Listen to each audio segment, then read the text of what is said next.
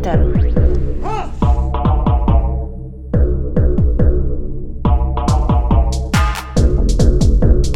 Berätta inte för mig om det svenska klassamhället. Jag har sett det. Jag har växt upp i det. Jag hatar det. Hej och välkomna till eh, ett nytt avsnitt av eh, podcasten Kommentären. Och eh, det här, den här helgen är ju ehm, en fantastisk helg. Med massa fina kamrater och trevligt. För det är nämligen Bokmässehelgen som vi håller på att spela in. Det vill säga förra helgen från eh, när du hör det här. Kommer vi eh, klippa så snabbt? Ja, det ska vi göra. Oh, vi ska fan. klippa fort som ögat faktiskt. Nej, för förra helgen. Förlåt mig. För förra helgen. ja. Eh, ja. vi ger inte ut varje vecka. Eh, skitsamma. Men eh, vi, det är bokmässa och vi har fina kamrater på besök. Så jag tänker att vi ska ha en liten eh, presentationsrunda. Vilka är ni? Ja, hej, eh, Annika heter jag. Ja, och eh, Sandra heter jag. Och eh, Sandra, du har ju varit med förut, eller hur? Ja, eh, en gång i, i somras i sommarserien. Mm. Eh, betydligt eh, piggare och mer alert nu. Mindre bakfull. Mindre bakfull helt enkelt. Men eh, Annika, det här är din, eh, det här är din podddebut överhuvudtaget, eller hur? Det är det, så Mm. jag känner mig lagom nervös och eh, väldigt peppad. Ja, vad roligt. Det och kommer, framförallt är det kul att vara i Göteborg på bokmässa och hela grejen. ja. Och vem är du som pratar? Eh, jag är baron Harkonnen. Jag är ganska säker på att det är upphovsrättsskyddat. Men vi kör på det. Och jag heter Tor i vanlig ordning. Jag tänker att vi ska börja med att prata om bokmässan. Nu efter efter eh, nästan två år av coronapandemi så har det varit så himla härligt att ha mässa. Mm. Bara få träffa alla sina kamrater igen. Mm, Mm. Verkligen. Och det var ju fullsmockat med folk också. Det kändes som the good old days måste jag säga.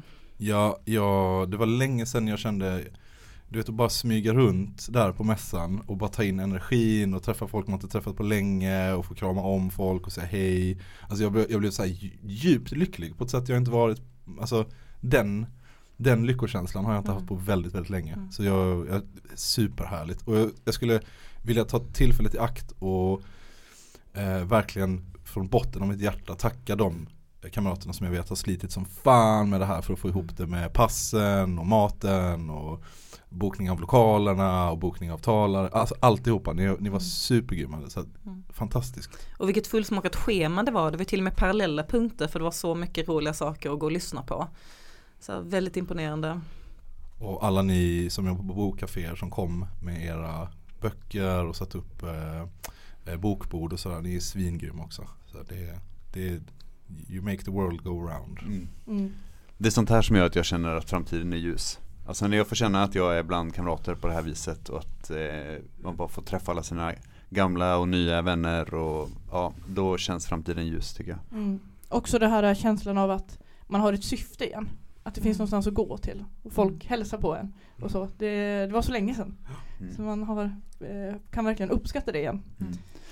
Vi också eh, besök från både finska kamrater och danska kamrater som man inte har sett på åratal. Bara för att träffa dem kändes ju fantastiskt roligt. Just det, och det var ju kamrater från Tyskland också och så här. Det är folk Mm. från, från, från lite omkring. Så folk Mm. eh, kanske inte liksom från när och fjärran den här omgången. Men man känner ju igen att man verkligen är en del av en internationell konspiration.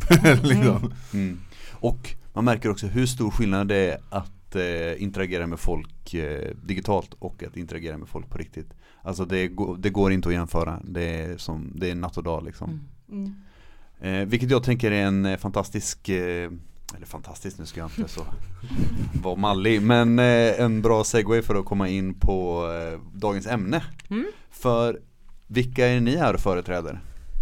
Ja, ja men vi är här från eh, ett, eh, en eh, studiecirkelgrupp eller en, vad man ska kalla det som heter Red Mirror. Ja. Vågar ni ta eh, ordet teorikollektiv i er mun? Ja, det var jag skulle kalla det nämligen. Ja, det tycker jag Ja. absolut vi ska Ja. göra. Vi är ett teorikollektiv eh, baserat i Lund. Mm. ehm, som vi kallar för Red Mirror. Mm. Och eh, jag tycker det är ett fruktansvärt ord att uttala på engelska, mirror. Så från och med nu kommer jag bara kalla det för RM. Jag, kan, jag kan säga det en gång också i solidaritet. Red Mirror, Ja. RM. Ja. Och det är ju, ehm, och vi är här för att vi ska prata dels om vad det är för någonting och att vi har tryckt ett, ja, vi, vi kallar det för bok men ett häfte kanske är mer korrekt. Den är ungefär 44 sidor tjock. Ehm, och eh, så ska vi också plugga en konferens. Eh, så att vi eh, är här och promotar det. Jag blev ju väldigt nervös när jag hörde ordet eh, eh, bok inför att jag skulle läsa en bok inför det här avsnittet. Eh, men sen så blev jag lite lugnare när jag, för jag hade inte så lång tid på mig och sen så blev jag lite lugnare när jag insåg. Men det var väldigt, eh, det är en väldigt lättillgänglig text och väldigt så, den är användarvänlig skulle man kunna säga. Ja, det, är, det är väldigt medvetet att, Mm. eh, att göra det så. Vi vill att det här ska vara tillgängligt. Och att eh, jag kan tänka mig att det är så eh, retar olika sådana eh, nördmarxister med, med stora bokhyllor. Att- Och det är kul för att det är ju en sån person som har varit väldigt drivande att skriva texten. Eh, så, nej men skämt åsido, det är ju väldigt medvetet skrivet att det dels eh, ska finnas eh, alltså en, eh, en nivå på texten som både kan tas in av lite nybörjare, det är ju mycket, eh, det, vi använder lite fotnoter, förklaring av begrepp och ord och så. Eh, Men samtidigt ska det ju ändå vara diskussion på så pass hög nivå att även de som ja, man har ett marxistbibliotek eller har varit med i rörelsen många år ska kunna läsa något och ta till sig eh, också få ut någonting av texten. Så det, förhoppningsvis är det de dimensionerna i den. Det tycker jag ni har lyckats med. Men, men eh, innan vi går in eh, på eh, processen bakom innehållet så måste man väl bara säga det också att det är liksom inget, den, den må vara 45 sidor lång men det är inget punkfanzin här. Det är en, det är en, det är liksom, det är en gedigen, det är en gedigen produkt eller vad man ska Mm. säga. Så här. Den är ju tryckt på tryckeri. Tryck på tryckeri. Eh, vi har en kamrat i Malmö, eh, tusen tack, som har layoutat den. Så det är ju en, eh, ja men den är layoutat som en riktig bok. Ja, den har ju en, en rygg, det är ju inte ihophäftade A4-papper. Mm, nej. Det, är en, det är en rygg. Mm. Precis. Mycket viktigt. Okej, men eh, vad, vad heter det, kan inte ni berätta lite om eh, hur, liksom vad, vad syftet var? Eller, så här, ne- eller vi kanske ska, nej, vet du vad, det kanske blir konstigt att börja där. Kan inte ni berätta lite om processen bakom hur den här, den här, den här boken kom till? Vad, vad, vad, vad ligger bakom liksom? Ja, jag tänker att jag ska spola tillbaka tiden lite eh, till 2016 eh, och köra lite bakgrund eh, för att man ska förstå lite hur, ja, vilket syfte eller sammanhang syfte boken har uppkommit i. Ehm, och det börjar väl med att vi var ett gäng från en, en grupp i Lund som heter Autonom organisering som var på en techkonferens i Hamburg. Eh, som många andra svenskar så älskar vi att åka till Hamburg och göra politiska grejer, eh, både eh, coola demonstrationer men också konferenser. Så vi var på den här eh, konferensen och eh, när vi var där eh, så väckte det ju såklart oerhört mycket idéer eh, och tankar. Och när vi åkte hem i bilen, liksom de här eh, åtta timmarna hem eller sex timmarna hem så började vi prata väldigt mycket om eh, framförallt teknologi eh, kopplat till liksom en, en framtid. Alltså vi, vi är ju ändå eh, människor som vill ha en revolution. Vi tänker att vi någon gång kommer vi leva i ett postrevolutionärt samhälle. Och det väckte så himla mycket tankar eh, kring teknologi, hur man kan, alltså en sån sak som, ja men okej, men i Sverige har vi kärnkraftverk. V- vad gör vi med ett kärnkraftverk när vi har tagit över? Stänger vi ner det? Kan någon kontrollera det? Någon som har utbildning nog att hantera en sån sak?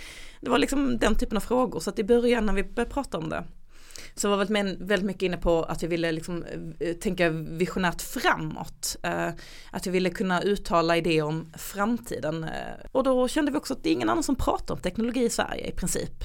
Av de autonoma grupperna. Det är, det är liksom inte en diskussion som är stor.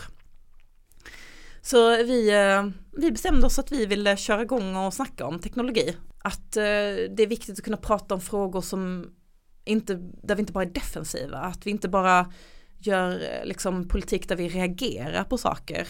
Att vi börjar prata om vården för att vi måste, eller vi pratar om miljö för att vi måste. Alltså det är jätteviktiga frågor men någonstans kände vi att men ibland måste vi träffas och bara prata om frågor som vi är intresserade av, som, som är där vi får drömma, där vi får tänka framåt, där vi kan vara de som är drivande, där vi kan sätta agendan, där vi inte bara, ja, men, men reagera på saker.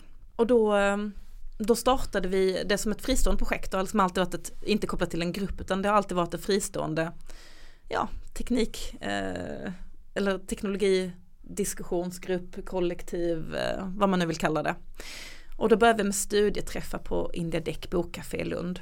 Och det är ju döpt då RM, Red Mirror är ju döpt efter tv-serien Black Mirror då, om det är någon som är nyfiken. Och då börjar vi med alla möjliga typer av studiecirklar, så det här pratar vi alltså om, ja men jag skulle säga våren 2017 kanske, så ändå fyra år sedan. Då pratar vi om, eh, ah, vi pratade om, eh, vi tittar på videoklipp om, eh, om hur hästar slutade vara liksom relevanta, så man kan prata om automatisering, kommer människor sluta vara relevanta när AI tar över och vi tittade på eh, andra filmer, vi, folk höll små föredrag, vi hade diskussioner, vi läste en studiecirkeltext om, eh, om gigekonomin från SUF Stockholm väl? Hade skrivit den? Ja, det kanske var i samband med deras kampanj mot selfie-jobb som vi läste det. Kan ha varit ja, väldigt bra eh, skriven. Eh, vi har turnerat runt lite, vi har varit i Stockholm, Göteborg, Malmö, vi har haft eh, ja, alla möjliga träffar. Och när vi hade haft det i några år så kände vi okej, okay, det här är skitfett, vi har fått in liksom nya människor, folk kommit och gått.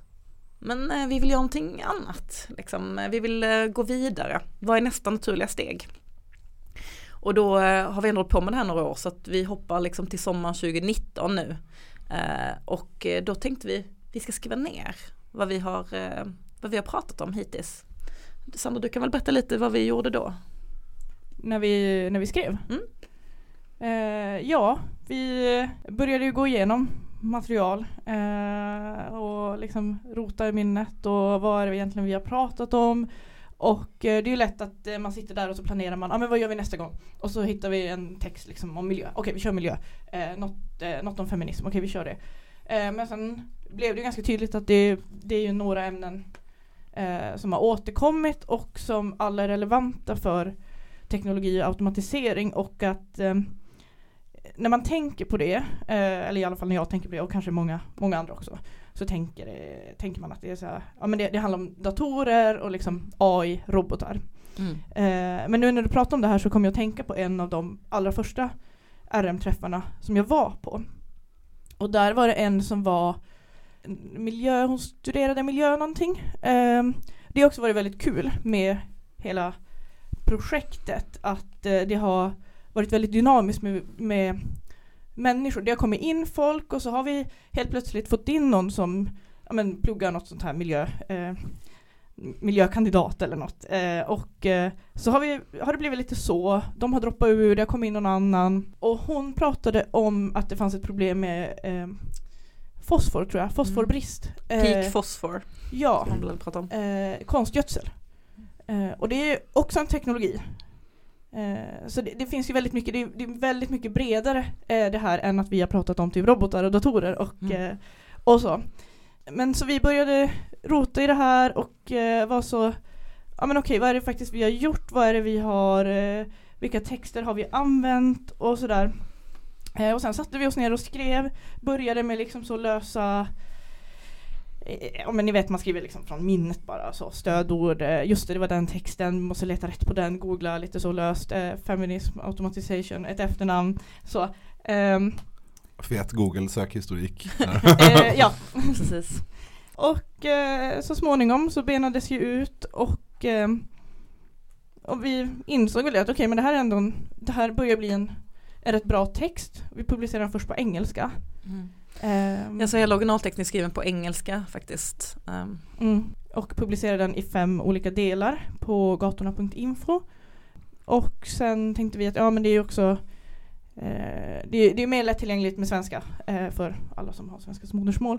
Eh, så att eh, vi tänkte vi gör det här också på, på svenska och sen Ja men vad, alltså det, det finns ju en tendens att man liksom förminskar lite sig själv och sitt arbete. Men vi var ändå så, okej okay, vi har lagt jättemycket tid på att skriva det här. Det, det var liksom, vi gjorde också det en sommar. Mm. För vi var så, okej okay, men det, det är lite semestertider, vad ska vi göra? Vi skriver. Eh, så vi la ju väldigt mycket tid och energi på det och var så, okej okay, men vad fan vi kanske inte ska bara förringa det här och så skriva ut det i A4-papper och lägga det i någon hög utan vi, vi, vi kör en bok. Det kanske kan bli en liten bok. Mm. En liten bok. Har ni planer på att försöka få den översatt till fler språk än svenska och engelska? Vi har aldrig ens pratat om det, om jag ska vara ärlig. Men det kanske skulle vara något tyska, det hade ju varit roligt. Ja precis, det känns väl som en eh, möjlig väg framåt. Mm. Eller som en kul grepp. Ja. Danska, spanska, grekiska. ja. Språk finns det gott om. Liksom. Det finns Gör många det. språk. Jag försökte tänka hur grekiska anarkister skulle ta emot den här texten. Mm, superintressant.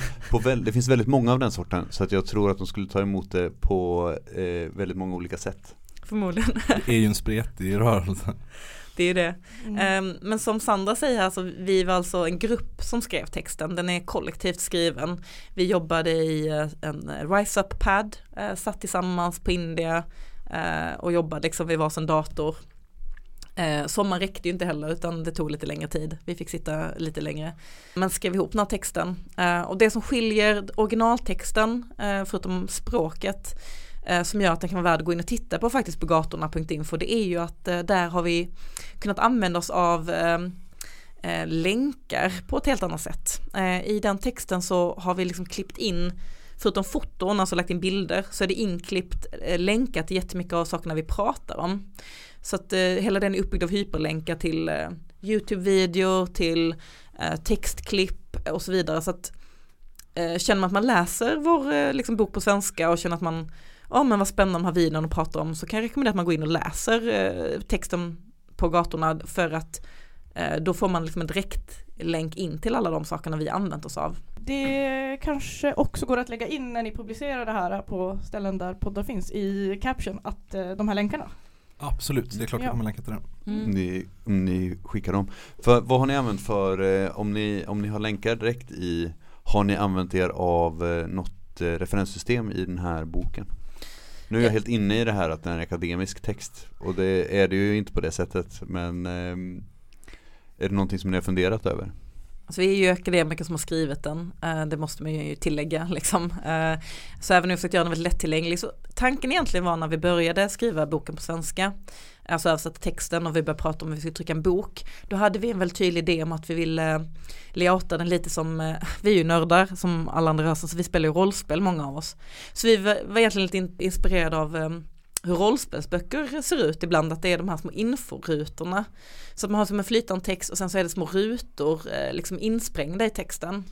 Och att vi då skulle jobba med det. Men tyvärr var det lite svårt att göra layoutmässigt och i och med att vi outsourcade det till en fantastisk kamrat så kände vi att vi fick lyssna lite på vad den eh, hade att tycka till om. Eh, som jag suttit och gjort där på sin fritid liksom. Och istället blev det fotnotsystem. Eh, och det gör att det känns mer akademiskt. Men vi kände att det var bättre än att sätta i parenteser. Ehm, Så fot- apa, mm, eh, apa-referering Eller nej, inte parentes på det sättet utan bara Alltså, precis att det skulle vara liksom som en fotnot i, fast i en löpande text, utan då kände vi ändå att vi gör det.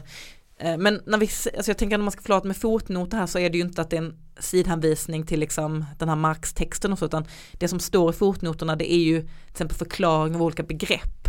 Jag tror vi pratar om till exempel eh, fordism, postfordism, eh, alltså hur fabriker fungerade. Och då är det liksom, ja eller du vill ha ett exempel Ja här? men jag öppnar en sida här nu bara på måfå och då bara, ja, eh, luditerna. Luditerna var en rörelse av arbetare i början på 1800-talet i England som slog sönder maskiner. Eh, deras namn har blivit ett öknamn för teknologimotståndare. Och så vidare, sådana saker liksom. Mm. Så det är ju ett sätt att förklara begrepp. Så bli inte liksom förskräckta när vi pratar om fotnoter här utan eh, det är inte som min skoltext utan det är för att hjälpa till att förklara begrepp. Man kan också hoppa fotnoterna om man kan begreppen.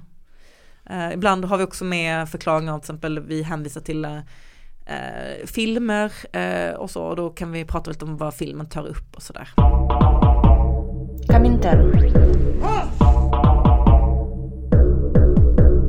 Jag tänkte ju först när vi började tala att vi skulle gå från att tala om liksom processen av att skriva och hur boken är upplagd och sådär till eh, ja, men vad kommer sen och vad är framtiden och sånt där. Men nu medan vi talar så blir jag ett väldigt sugen på att börja komma in och kötta i begreppen i bok, alltså börja prata om vad den handlar om. Två, det slår mig att vi kanske, det kanske är snyggare att avsluta med det. Så att vi avslutar med vad kommer härnäst och sådär. Och, Mm. och så. så eh, sagt och gjort. Boken är indelad i fem kapitel. Mm. Eller hur? Eh, och eh, de olika kapitlen berör eller belyser teknologiutveckling eh, på lite, från lite olika, i lite olika arenor av, eh, av, av, av det senkapitalistiska samhället. Kanske ska sägas att bokens undertitel är Teknologi, senkapitalismens kris och den framtida kommunismen. Mm. Jag kan säga också att det var många sms fram och tillbaka innan vi kom på vad den skulle heta i underrubrik. Ja, Men, jag tycker det var en bra Ja, underrubrik. ja men vi är nöjda men eh, det tog, det tog några veckor att komma på. Några veckor av sms alltså Kanske inte så intensivt men vi började prata om det och sen var det liksom fram och tillbaks. ehm, ja men man vill ha någonting catchigt eh, som liksom drar in folk. eh, det, det är där man säljer in vad den handlar om liksom. Eh, det var vissa begrepp vi ville klämma in. Ehm, Ja, nej jag är nöjd också. Den första delen är eh, eh, kallar ni för arbetets framtid. Mm. Eh, Vill du tala lite om vad ni menar där, eller vilka som är de centrala begreppen och vad ni vill ha sagt med det kapitlet? Absolut. Jag tänker att eh, en sak jag känner att jag missade säga lite innan, eh, som ju också har att göra med när vi bör, alltså vill skriva den här texten och det är ju, eh, alltså återigen syfte kanske på något plan. Och det handlar om dels som jag sa att det är ingen annan som pratar om teknologi, att vi ville göra det och att vi tycker att, ja, men jag har pratat lite om det innan, att vi ville inte vara, eh, bara reagera på saker utan lyfta diskussioner. Eh, men teknologi är också någonting som precis som Sandra sa, det handlar inte bara om datorer, liksom det handlar om allt från, eh, ja det här kommer vi prata väldigt mycket om nu när vi går in på de olika kapitlen, men det handlar om så otroligt mycket mer. Och eh, någonting som påverkar oss väldigt mycket i vår vardag och att vi faktiskt har väldigt lite koll på hur det gör det. Eh, eh, men sen eh, var det också ett sätt att, eh, men vi vill också att folk ska tycka vettiga saker inom teknologi. Alltså jag ska inte, vi ska inte himla med att vi vill ju att folk ska hålla med om boken, alltså vi vill att folk ska läsa det eh, och vara så här, ja men så här är det, fan vad smart och alltså en del, ett kapitel handlar ju om kritik mot, mot liksom andra strömningar. Eh, så att eh, det ska man ju inte, ja men absolut, vi är helt öppna med att eh, det här är också att vi vill sprida liksom våra tankar och åsikter eh, kring teknologi eh, inom den autonoma rörelsen, att vi tycker att folk ska tycka vettiga saker. När jag läste introt och var så här, den här boken riktar sig till, nu parafraserar jag typ, eh, att eh, den här boken riktar sig till folk som eh, eh, är intresserade av teknik och är vänster. Ja men jag är vänster är det, det kan jag skriva under på. Men jag är ju, jag kommer ju från den anarkoprimitivistiska strömningen. Eh, och eh, tycker väldigt illa om teknik och eh, förstår den väldigt dåligt. Men jag har ett väldigt starkt intresse för science fiction. Eh, Så att jag, mycket, jag, så jag känner att jag var tvungen att plocka fram så, den, eh, den delen av mig när jag läste boken. För annars så är jag mest så en teknikfientlig person. Men det är väl också en, en grej att eh, jag, tror, jag tror många håller med om det och jag säger nej jag gillar inte teknik, jag förstår mig inte på det, jag är emot det. Eh, samtidigt som, eh, lite det jag sa tidigare, att man kanske inte reflekterar över hur mycket teknik man har runt omkring sig. Eh, och eh, det är väl också jättebra att vi, det riktar sig ju också till folk som, eller kanske särskilt till de som har den inställningen just för att det blir mer och mer svårt att undvika den här frågan.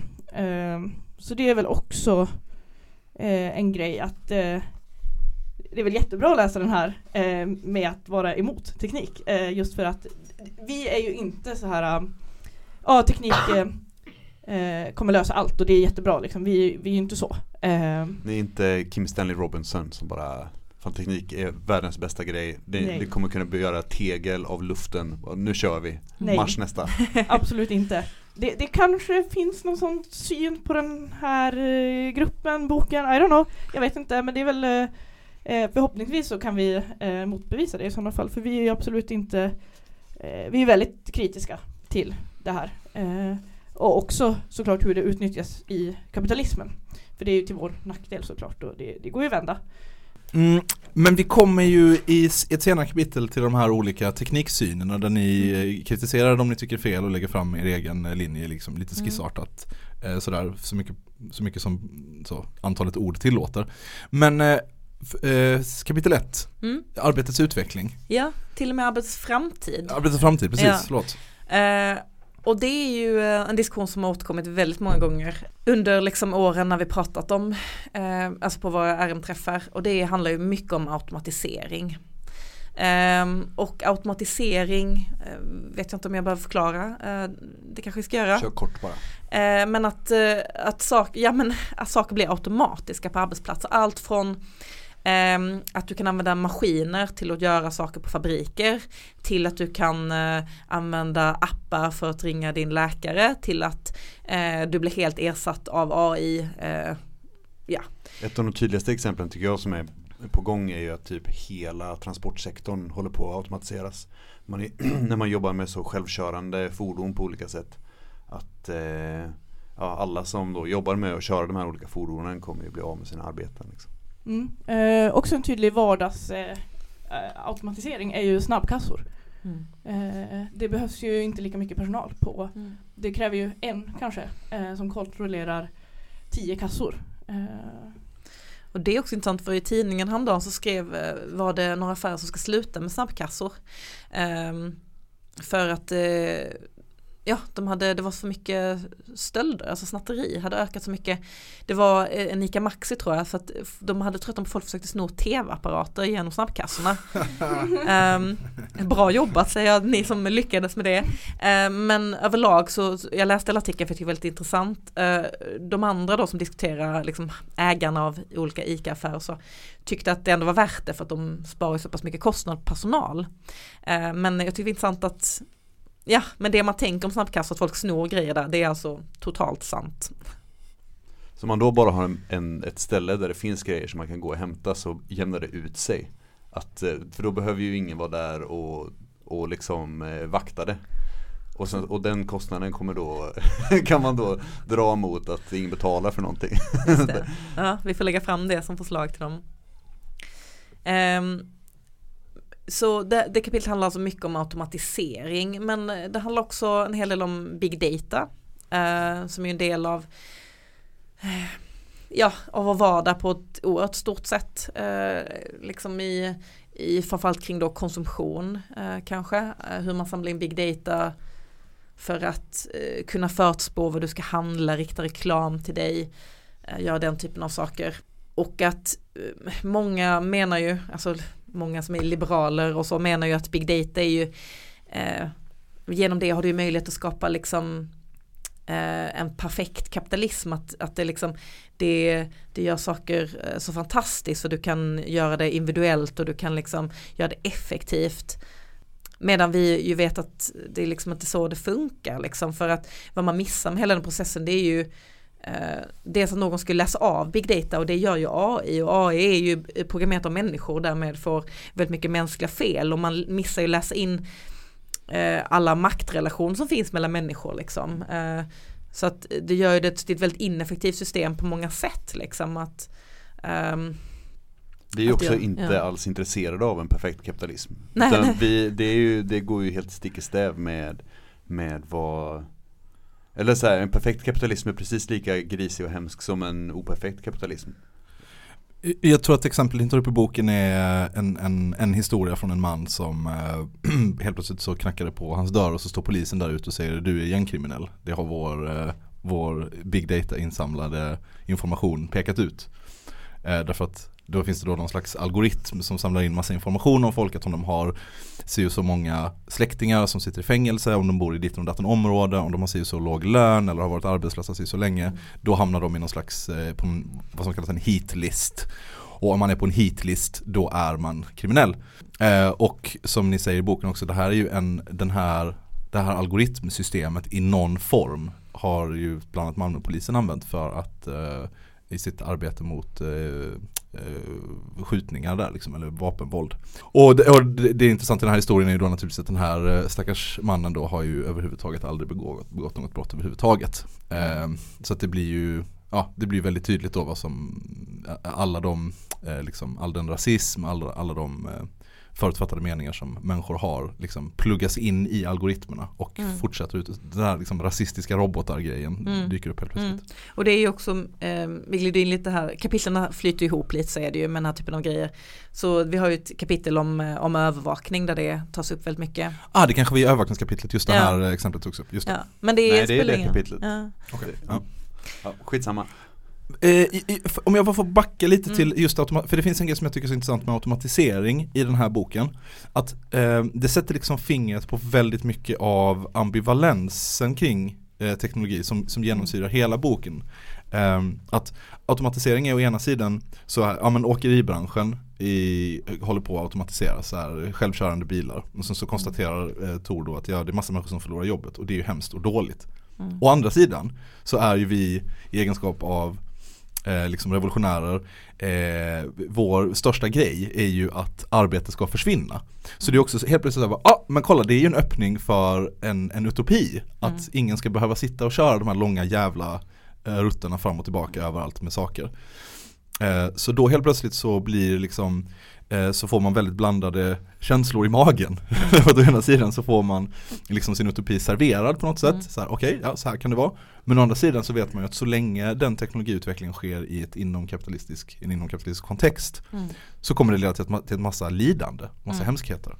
Och det är ju sant för i princip varje kapitel som vi talar om här och Mm. varje koncept. Big data, samma sak. Mm. Det är ju jätte, jättehäftigt att det finns teknologin för att kunna förutse typ eh, folks behov. Alltså det öppnar upp enorma möjligheter för en, en planerad, en planekonomi liksom. Mm. För det är intressant för big data, nu hoppar jag mellan de här begreppen, de, Ja. för att jag börjar med det sista du sa, alltså det vi kan använda big data till positiva saker, det är ju som du säger att vi kan eh, förutspå eh, ja men vilken typ av mat folk kommer behöva, när, hur mycket och den typen av grejer. Det finns också en eh, exempel jag inte tror vi har med den här texten men som vi har pratat om på våra träffar där man ser liksom att i samband med eh, orkaner i USA då säljer Det, det finns i boken. är det? Okej, ja. Ja. då säljer man jättemycket mer pop-tarts. Eh, för att eh, då vill folk handla saker de vill ha hemma, de känner trygghet, det ska kunna förvaras liksom i rumstemperatur och så vidare och så vidare. Jag fick Eh, höra häromdagen att alla bensinmackar kring eh, Mullsjö måste köpa in gigantiska mängder kondomer runt pingstkyrkeveckan där. Eh, och det vet de att det måste de göra varje vecka för det är liksom pingströrelsens parningsvecka. Så därför måste de köpa in, och det, där hade de också kunnat använda big data för Ja. att till exempel eh, OKQ8 skulle kunna förutse det behovet. Men, men när det kommer till automatisering då, och det är så kul för att exakt det du säger, det är ju det vi har sagt så många gånger också, att, att man blir så himla delad för att det gäller här att hitta den fina gränsen mellan eh, automatisering inom kapitalismen och automatisering liksom post eh, revolutionen eller liksom i ett kommunistiskt samhälle. Ehm, ja, förlåt Tor, men jag är kommunist. Eh, Jag tänker att det här, det här handlar ju, det här är ju en, det här är liksom kärnan i våra, vå- våra ideologier generellt. Mm. Alltså så här, det, det sätter fingret, just den här diskussionen sätter fingret så himla tydligt på den kärnan. Det är så, här, vem är det som kontrollerar produktionsmedlen? Mm. Vem är det som kontrollerar, eh, som kontrollerar den här teknologin och vem är det som kontrollerar resurserna som ska fördelas? Mm. Och, det, och så länge vi inte gör det så kommer kapitalismen att eh, förvandla våra utopier till en jävla travesti liksom. Mm. Men det är fruktansvärt att vara arbetslös i dagens samhälle. Eh, Du blir liksom, du får jättelite pengar, det är väldigt, eh, liksom samhället lägger väldigt mycket skuld på dig, det är stigmatiserat, du mår psykiskt dåligt på grund av de här sakerna. Eh, Men jag menar, efter revolutionen vill vi ju jobba så lite som möjligt. Alltså då vill vi ju typ att maskiner ska kunna lösa det mesta av jobbet så att vi kan liksom göra annat roligt. Så att vi vill ju att automatiseringen ska fortsätta existera och vi vill att det ska fortsätta utvecklas men inte i dagens samhälle liksom. Inte som det ser ut idag till en viss gräns för vi vill ju inte att um, att en massa människor ska bli arbetslösa som det ser ut nu. Men sen tror jag också att en del menar ju att, ehm, alltså det här är också en diskussion vi pratar om att det här med automatisering och hur, liksom, hur, man, hur mycket man tror att det kommer ske inom närmsta tiden skiljer sig väldigt mycket. En del menar ju att jättemycket yrken skulle försvinna som lärare, läkare, sjukvårdspersonal.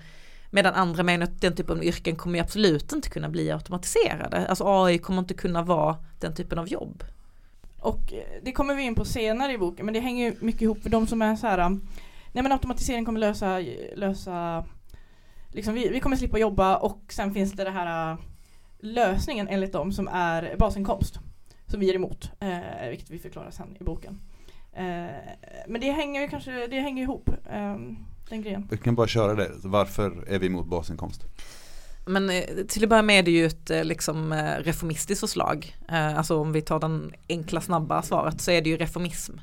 Eh, Men sen gör ju det också saker som att Alltså det var ju också liksom blev populärt med, av Milton Friedman, liksom liberalernas eh, konung. Bara där borde man ju ana att någonting är, är fel ute.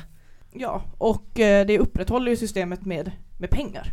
Och det vill vi ju inte ha. Ehm, eh, sen tror inte jag heller eh, personligen att vi hade kunnat ha det utan att ha ett ganska mycket kontroll från staten eh, som kommer dela ut basinkomst. Jag tror inte det kommer vara helt eh, så kravlöst eh, att vi ska få de här pengarna. Mm. Eh, det kommer nog ske en del övervakning för att man ska sköta sig på olika sätt eller sådär för Mm. att få de här pengarna precis som det är med typ eh, SOS-bidrag och så. Och om alla får pengar utdelade kommer det betyda att man skär ner välfärdssystemet i övrigt? Eh, Förmodligen ja, för att det är så kapitalismen fungerar.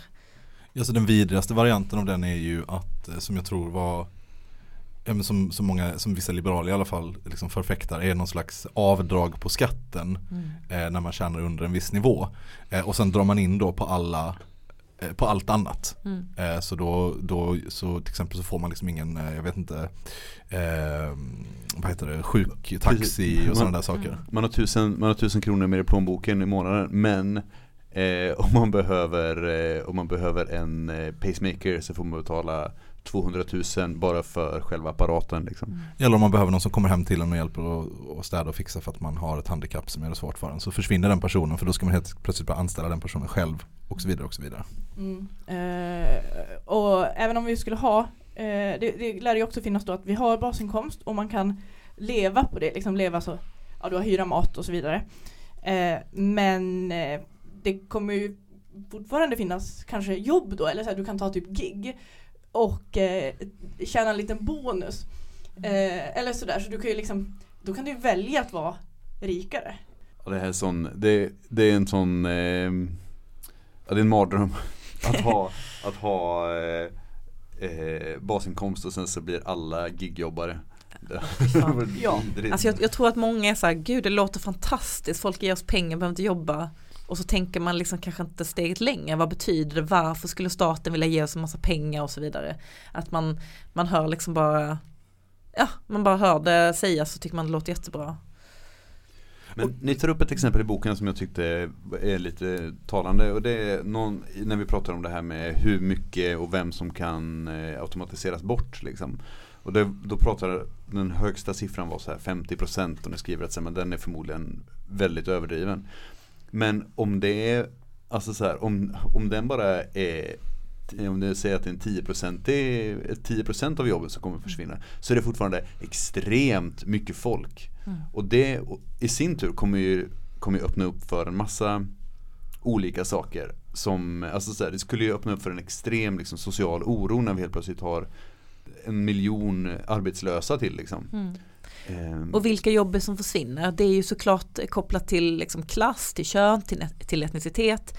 Det är ju framförallt kanske mer manligt kodade yrken som försvinner i grunden. Det är liksom eh, Ja, för kvinnor jobbar ofta inom omsorg och vård och så. Och lärare och den typen av grejer. Och där, som jag sa innan, tror jag att den typen av jobb inte kommer att försvinna på samma sätt. Inte i början i alla fall. Det vill säga att det är liksom män inom arbetarklassen. Eh, kanske folk med invandrarbakgrund som kommer liksom bli av med sina jobb först. Och det är, ju, det är ju jätteviktigt att tänka på de aspekterna också när man pratar om det positiva med automatisering.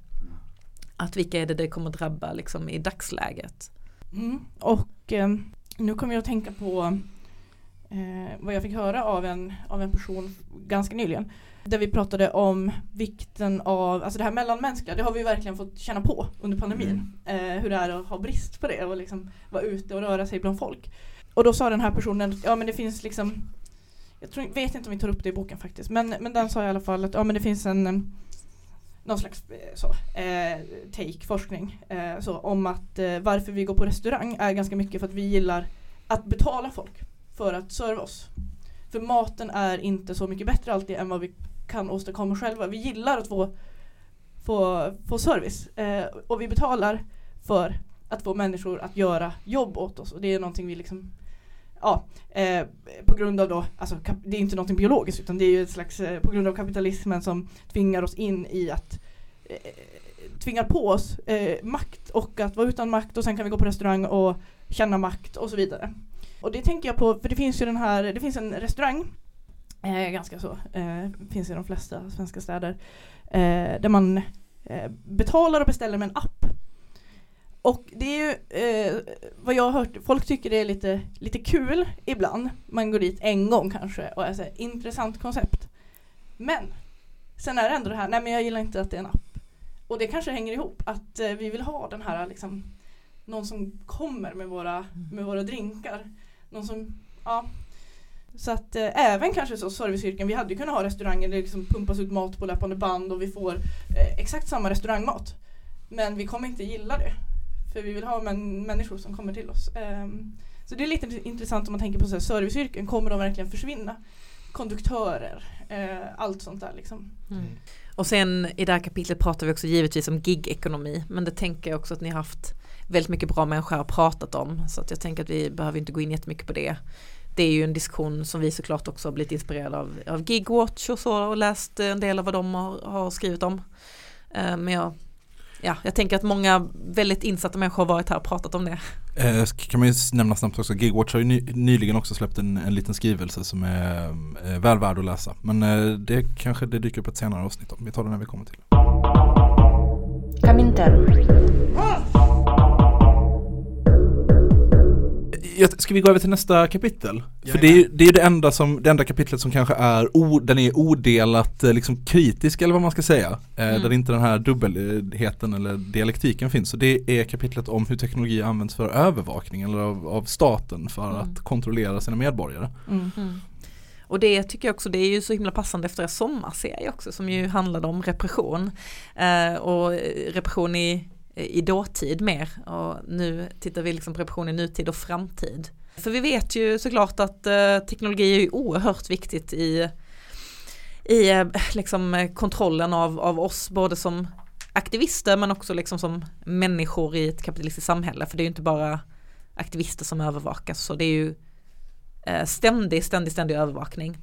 Och vi pratar ju till exempel en del om so- sociala medier.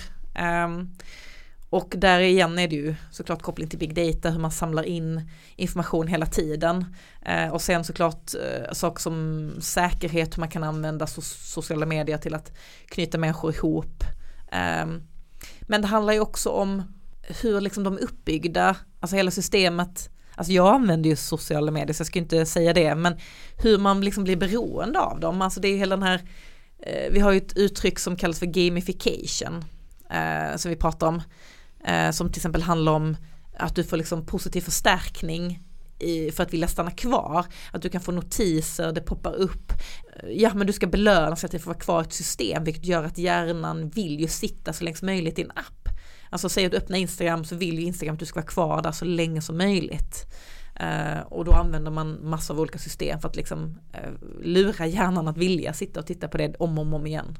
Det är väl en av Instagrams eh, senaste uppdateringar att istället för att vara så här tydligt eh, du har sett eh, alla inlägg från dem du följer så bara fortsätter det med konton som är extremt lika de man följer.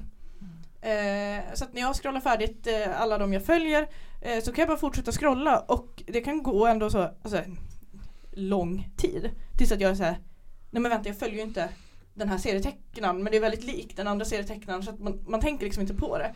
Ehm, eh, och det gör ju att man fastnar. Mm. Eh, Och det är väldigt, väldigt välutbildade och intelligenta människor som har suttit och eh, blivit väldigt, väldigt välbetalda för att Mm. man ska bli så beroende som möjligt av de här apparna. Mm. ja, det är ju en, eh, nya arbeten som skapas i och med teknik.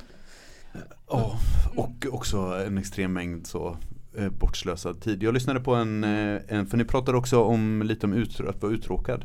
Mm. Och eh, jag lyssnade på en podcast som fanns för en bunt år sedan som jag tror inte finns kvar. Som, eh, där de hade en serie som heter Born and Brilliant som var eh, ett femstegsprogram.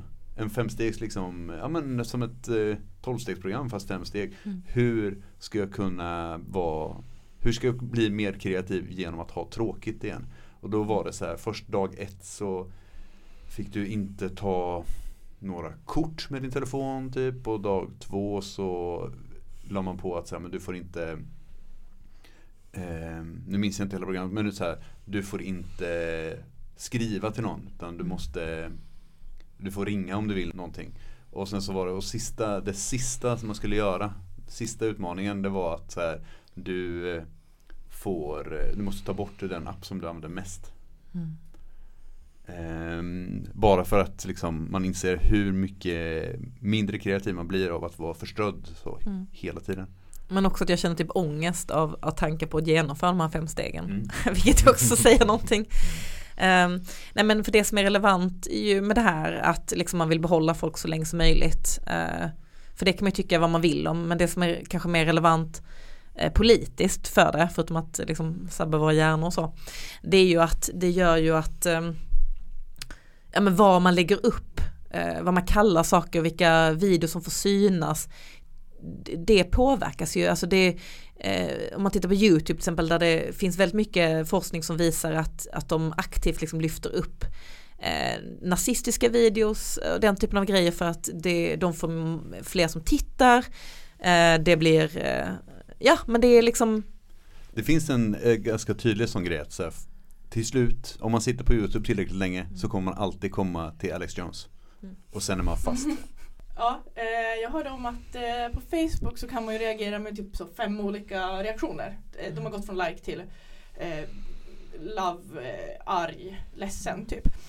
Eh, och att på någon slags skala då så värderar de arg högst. Eh, vilket gör att väldigt många då eh, Ja men kanske SD, när det, när det så dyker upp eh, från någon sån kvällstidning. SD har sagt det här. Någon i SD eh, nazist. Typ. Alltså så så eh, då, då blir det väldigt mycket arg eh, reaktioner på det. Vilket eh, i sin tur gör att eh, SD, eh, liksom så rasist, eh, det, det sprids. Så även om man reagerar med arg och tänker att så här, ah, men det här är så mot så kommer det göra att eh, det ger spridning till att fler får läsa eh, vad SD har sagt och gjort och, och så vidare. mm. Men reagerar man med love liksom så, nej det, det får en etta och så arg får en femma. Så. Mm. Mm. Och sen såklart eh, ska man väl nämna liksom klicktivism, alltså online-aktivism, eh, ska man väl säga någonting om kanske att folk tänker att det spelar liksom ingen roll att göra saker i verkligheten längre för att så de har delat någonting på Instagram, eh, då har de gjort dagens politik eller de har kryssat i någonting någonstans och sen så behöver man liksom inte göra någonting i verkligheten. Ehm, Mm. Och hur ofta har man inte tänkt eh, vi ska göra eh, om vi gör den här grejen eh, kul men också vi måste fota det, det ska upp på några sociala medier Mm. och hur kommer det se ut på sociala medier om vi gör Mm. eh, det eller det. Det. Det finns ju alltid med oss även som alltså, aktivister och sådär. Jag tänkte på eh, med angående det här med övervakning att eh, det kom fram att eh, den här killen som gick in på en skola och högg folk i Tierp mm. att FBI hade tagit kontakt med lokalpolisen i Tierp innan och var Mm. så här, vår algoritm har, eh, har kommit fram till att den här killen kommer begå ett våldsdåd snart. Mm. På grund av vad han skriver liksom. Eh, Ja, och vad skulle han också göra? Han, skulle också han försökte också livestreama det. Mm. Eh, vilket är ju väldigt intressant att dagens skolskjutningar och liknande eh, ska livestreamas över hela världen. Eller liksom attentat och går in och skjuter ihjäl folk i en moské. Någonting. Allting ska liksom filmas live, läggas upp tillsammans med ditt manifest. Så du blir odödlig på internet. Liksom. Det är så jävla mycket som är så mörkt i den historien med den där jävla pojken i Tierp eller Eslöv eller vad det var. Ja. Comintern.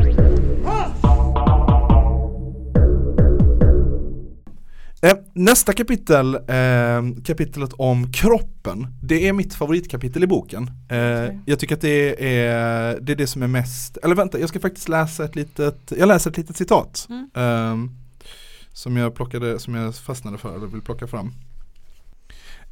Okej. En av de intressantaste och mest hoppfulla delarna av diskussionen om teknologin är den feministiska debatten om teknologi och kropp. Möjligheten att omvandla sig från ett kön till ett annat, att leka med genus och att undergräva patriarkatet är djupt sammanlänkat med dels avancerade medicinska teknologier, dels vardagliga teknologier såsom smink och kläder. Eh, och det är väl lite kärnan i det här kapitlet och eh, jag kan inte tala lite om det. Alltså det jag gillar med det här kapitlet det är att jag tänker att det här är det mest oväntade kapitlet när man säger att man eh, har släppt en bok om teknologi. Alltså att det är ett kapitel om, om kroppen. För många glömmer ju hur mycket teknologi faktiskt använder kroppen. Allt från eh, preventivmedel eh, till pacemakers till just liksom alla typer av mediciner eller smink. Alltså vi kan påverka kroppen. Det är också teknologi vi använder. Väldigt intressant tycker jag. Mm. Och precis äh, äh, som det här du tog upp Gaspar, att ähm, Baron Dels- Harkonnen. okej. Rockhylla. June. Nej men ähm, att dels kan vi genom teknologi eh, liksom eh, att det kan användas väldigt queert. Eh, så. Men det kan ju också, det cementerar ju också väldigt mycket könsroller. Typ, eh, alltså smink, eh, skönhetsoperationer och så vidare. Eh, så det, det går ju verkligen åt båda håll. Men det är också på grund av eh, Eh, kapitalismen och patriarkatet hänger ju eh, ihop. Så att på grund av kapitalismen eh, har det ju skapats liksom skönhetsoperationer som cementerar patriarkatet och så vidare. Eh, men det går ju också att använda det här mot patriarkatet på vissa sätt. Könskorrigerande operationer istället eller Alltså ehm, ni, ni tar upp det här, eh, den här teoretikern som säger vi alla cyborgs, alltså Mm. cyber, cybernetiska organismer. Mm, Haraway, ja. Precis, det finns inte längre några, någon biologisk människa Eftersom vi alla är och, och inte på det här kanske lite ytliga sättet att ja, men vi har alla alltid mobilen i handen Mm. Utan verkligen på ett djupt plan så är vi alla förändrade och påverkade av olika former av teknologier och det de är liksom inlämnade i vår biologi Och att det bara kommer att accelerera, det är, det är liksom den, den utvecklingen kommer bara att fortsätta Frågan är ju då, ska vi vända det till att eh, liksom krossa patriarkatet och att vi helt plötsligt kan Alltså du vet så här, att kön blir någonting som man kan, eh, blir en eh, jag menar mer som en subkulturell identitet, alltså som, som punk och hårdrock eller synt. Så här, ja, men jag, jag kan göra lite femininitet idag eller så kan jag ta på mig min synttröja eller så kan jag göra lite maskulinitet eller så kanske jag tar min, min hiphop eh, bandtröja, du vet så här. Eh, och det är ju väldigt, det är en otroligt hoppfull och utopisk och glädjebringande tanke att, att kön skulle kunna vara på det sättet. Men å andra sidan så finns det den här nattsvarta andra sidan av myntet som är liksom, ja men skönhetsoperationer, ständigt matad med olika, med kroppsfixerade eh, liksom bilder från, eh, från Instagram med ideal man aldrig kan uppnå. Eh, Alltså supermilitärer som genmodifierade supermilitärer som är utpumpade av, precis som är utmatade av överklassen liksom, som trycker ner eh, arbetarklassen längre och längre i, i misär.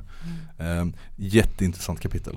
Mm. Och det finns ju också den här eh, inom feminismen och så, och kanske också inom eh, vänstern generellt när vi pratar om eh, kroppen och kanske främst då kvinnokroppen att eh, den här eh, eh, motståndet mot eh, skönhetsoperationer och så, eller kanske inte bara operationer, men ingrepp ehm, eh, är att så här, nej men vi ska vara naturliga och vi ska liksom eh, vi ska inte göra om oss eh, som kvinnor. Så. Vi, vi ska vara naturliga och det måste vi eh, liksom embracea istället för att försöka ändra på oss eh, både genom typ träning, kost och så vidare och så vidare till att liksom göra eh, silikonimplantat och så så ska vi istället eh, gilla vår naturliga kropp. Mm. Men vad är egentligen vår naturliga kropp? Alltså är, vi har hormoner, liksom det är så eh, vad heter det, antidepressiva, är vi ens naturligt Mm. glada? Mm. Och, och, Alltså, och, och, och okej visst, du, du, du har en naturlig eh, kropp men du har ändå en sån här eh, Google-klocka som mäter, du vet så när du ska träna och du gör dina armhävningar och när du ska äta och vad du ska äta och det du äter är kosttillskott och bla bla bla. Mm. Det kollapsar ganska snabbt hela den idén. Mm. Som, vad, vad heter hon, eh, Har- Haraway Haraway, ja. säger Jag vill hellre vara en cyborg än en gudinna och det på något sätt sätter ju verkligen huvudet på spiken liksom. Mm. Mm. Men det finns också en, jag har börjat tänka på det här en del, det finns en, en, en gräns som går någonstans, jag vet absolut inte vars, men jag tycker det är intressant att diskutera eh, vilka ingrepp får man göra? Piercingar, alltså det är ju liksom implantat så. Piercingar, eh, tatueringar det är permanent, eh, permanenta implantat. Till exempel eh, sådana fillers, inte eh, permanenta, försvinner efter ett halvår, ett år så. Om man bara gör det en gång. Um, men det är liksom, det, det finns någon slags eh, Ja, det är något där med, med patriarkatet, med vilka ingrepp som är okej som jag tycker är väldigt det går, Jag är absolut inte för, eh, eller så, ja men det, men det går att tänka på, på ett sätt som är Ja, det är något som är okej, det är något som inte är okej Mm. Och det är inte alls tydligt för, för, en ut, för en utomjording som hade tittat på det hade kriterierna varit väldigt svåra att förstå. Så. Ja, verkligen Så metall som är permanent, det är, okej då är man inte, då är man en, sitt autentiska jag, men silikon som eh, försvinner efter ett tag, eh, det är inte, ja du vet så här, det, Mm. det skulle vara jättesvårt att förstå liksom. Mm. Det ska tilläggas också att eh, det är väl i det här kapitlet vi börjar med lite längre citat. Jag tänker bara att man ska säga någonting om det och det är ju Eh, vi kände att det fanns människor som sa det här så himla mycket bättre än vad vi kunde formulera om det. Så att i boken här är det ju en del inklippta längre citat. Ehm, och det börjar lite i det här kapitlet, sen är det lite längre fram. Jag, jag tänker bara en grej som jag vill säga om, om det här kapitlet också är så här att Ofta när högern försöker förstå oss, förstå våra teorier så blir det verkligen, det blir, så här, det blir bara pannkaka, det blir, det blir riktigt, riktigt tossigt för de silar det liksom genom sin egen psyksjuka, paranoida världsbild. Liksom. Men just angående det här med, med genus så har de ju rätt ganska rätt. Alltså under kommunismen så kommer alla vara trans. Det kommer inte finnas några kön. Liksom. Alla, det kommer bara vara en jävla gegga. Idén om det essentiellt manliga eller essentiellt kvinnliga kommer liksom utrotas. Mm. Eh, det blir 100% genuspedagogik hela vägen överallt. Ja, äntligen. Come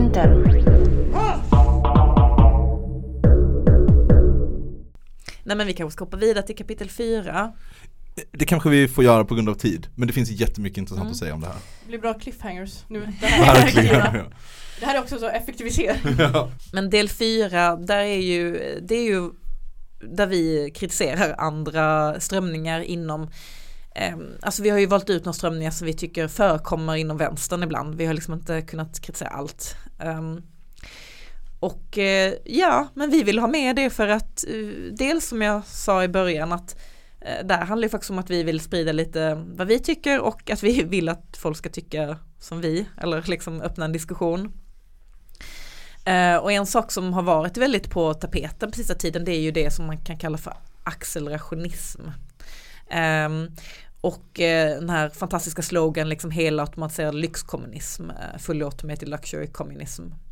Som vi, vi kritiserar eh, delvis, alltså det är ju inte en eh, idé som vi är helt emot. Alltså vem vill inte ha liksom lyxkommunism på ett sätt. Men vi tror liksom inte att den är Alltså vi, vi känner att det, hela den, eh, framförallt i kritiken mot det, att det missar ju alla frågor om miljö och klimat. Får jag läsa ert förslag på en Ja. annan slogan? Jag tyckte den var så rolig så jag, jag gjorde en liten notering här. Ert, ert förslag på en annan möjlig slogan, en hel automatiserad lyxkommunism är ganska automatiserad men också en massa teknologier är förstörda och andra använder vi inte så ofta och eh, det är också ekologiskt kommunism.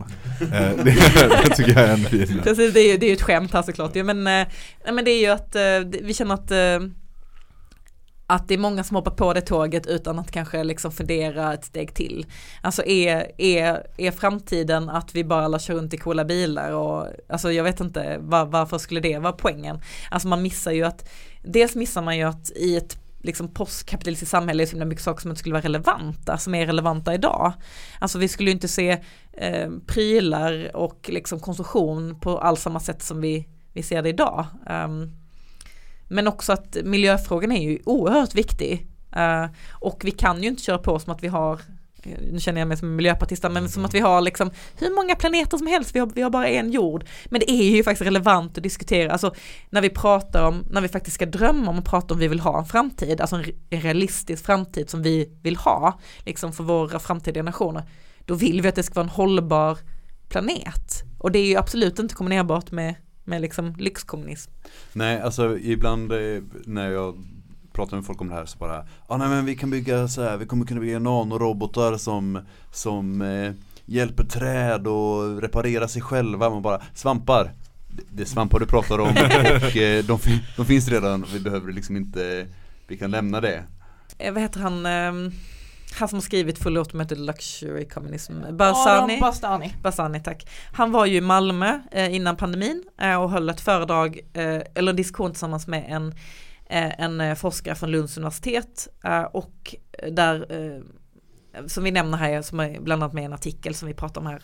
Och forskaren då från Lunds universitet, han var ju mycket mer kritisk och det var ju från miljösynvinkel och de har ju då gjort en en lång artikel om Kuba och liksom eh, solceller och vindkraftverk och sådär. Ehm, och det är därför det är med för att det var liksom aktuellt i det sammanhanget liksom eh, att, att just Ja men det, vi känner inte att det var så många som har lyft upp en motvikt och ett vänsterperspektiv mot det här. Eh, så att, och den artikeln är, om man går in på gatorna så är den länkad i, i texten på engelska. Mm. Den full, alltså sloganen liksom helautomatiserad lyxkommunism, den är ju också väldigt Instagram-kompatibel. Den är ju det, alltså jag blir ju sugen när jag hör det. Eh, det blir jag absolut. Eh, och som sagt den eh, vi läste upp är inte lika catchy men det, det är så sannare. Så att vi är ju inte så att, åh nej vi ska absolut inte ha det bra i framtiden men att vi känner att den är inte så genomtänkt. Sen i kapitlet så, eh, så ger ni eh, maltusianism en känga, ni ger primitivism en kän- en känga, basinkomst har vi redan täckt från känga. Eh, men det kanske vi inte det, det kan man läsa själv, det är läsvärda stycken det också. Ehm, sista kapitlet då talar, snackar ni lite utopier. Vad, vad, vad man kan se för, för ljus i slutet av tunneln kanske. Mm. Och det är ju svårt. Eh, och vi ska absolut inte påstå att vi kommer med några svar i den här eh, slutdelen eh, i våra tankar utan eh, det, det är ju mer frågor som väcks som har liksom kommit upp.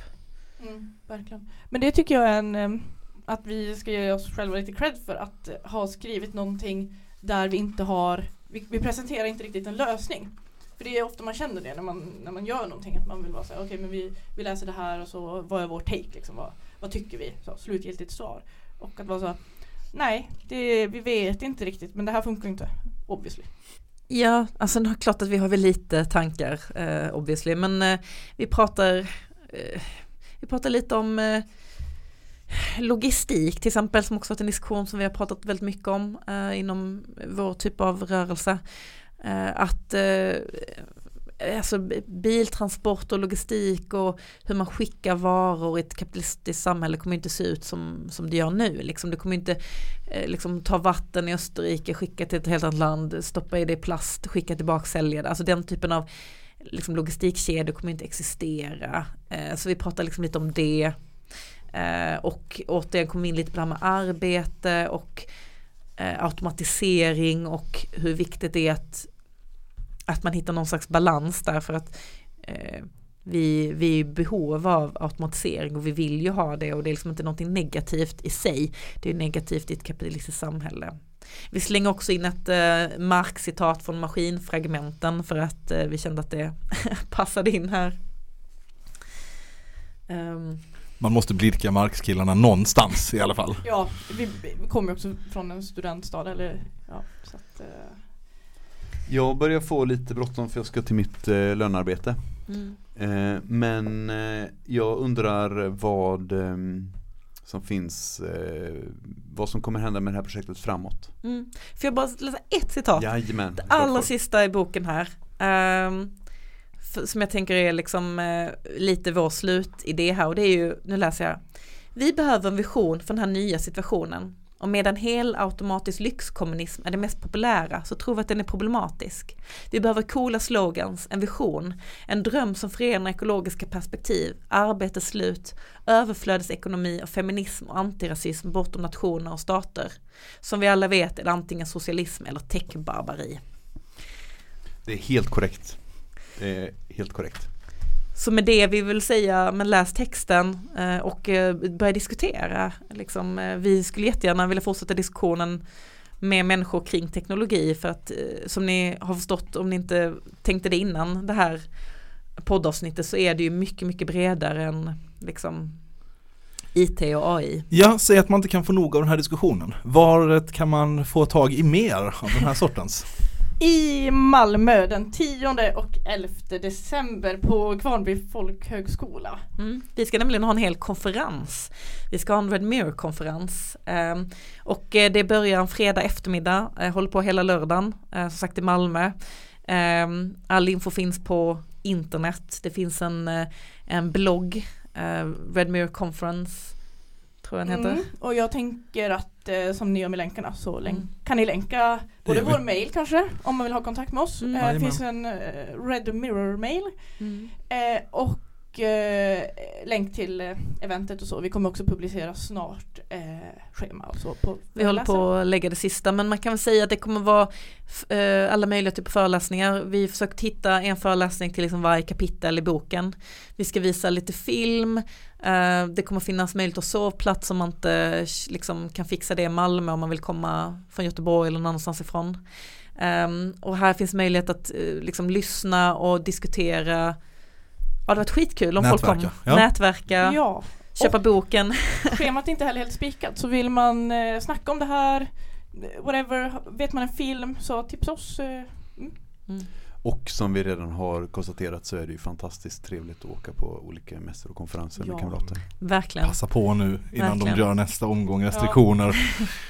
Och boken då, kanske ni blir sugna på att faktiskt ha den här fysiska boken och inte bara läsa på internet.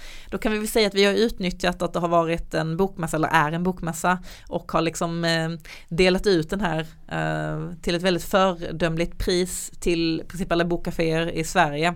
Så bor man i närheten av ett bokkafé så kan man gå till, till det och köpa den. Eh, vi kan också skicka upp den om man mejlar oss. Eh, vi säljer för självkostnadspris i princip. Eh, men eh, annars finns hela texten på engelska på nätet, eh, men inte på svenska i dagsläget. Du har lyssnat på podcasten Komintern eh, som har gästats av eh, teorikollektivet Red Mirror eh, och vi tackar för att du gjorde det. Du kan följa oss på Instagram och på mail, du kan mejla oss till kominternpodd.gmail.com På Instagram heter vi kominternpodd. Ha det fint. Du kan också ge oss pengar. Du kan bli Patreon. Du kan bli Patreon. Eh, det kan du lösa själv. Lista ut det. Ja, Ja, men ni får ha det så gott och tack så hemskt mycket för att ni kom och pratade med oss. Det har varit väldigt intressant. Mm, tack för att vi fick komma. Ja, superroligt. Tusen tack. Vi hade Ja, lätt kunnat ta två timmar om det det hade här. vi. Men vem orkar lyssna på det? ja. vi, vi på återseende hoppas jag. Mm. Ja. Mm. Okej, ha det fint. Ha det bra. Hej hej! hej.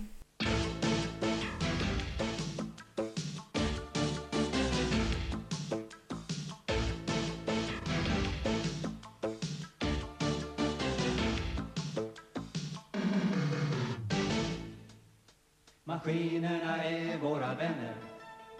Utan dem inget paradis.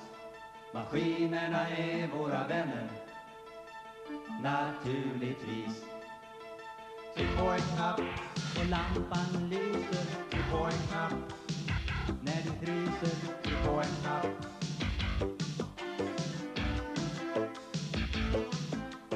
Tryck på en knapp. Kläderna tvättas Tryck på en knapp Munnarna mätta Tryck på en knapp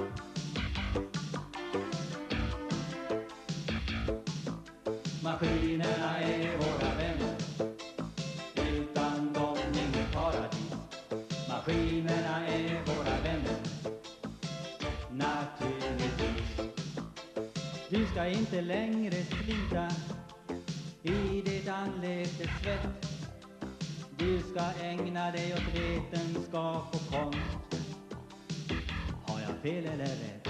Har jag fel eller rätt? Har jag fel eller rätt?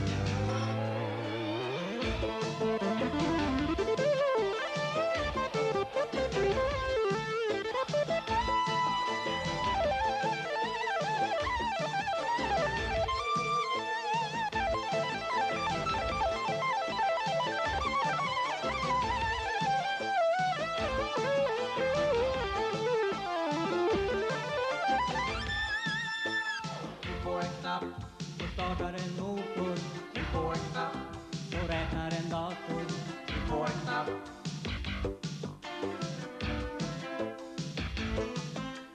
Tryck på en knapp Lyftkranen rör sig Tryck på en knapp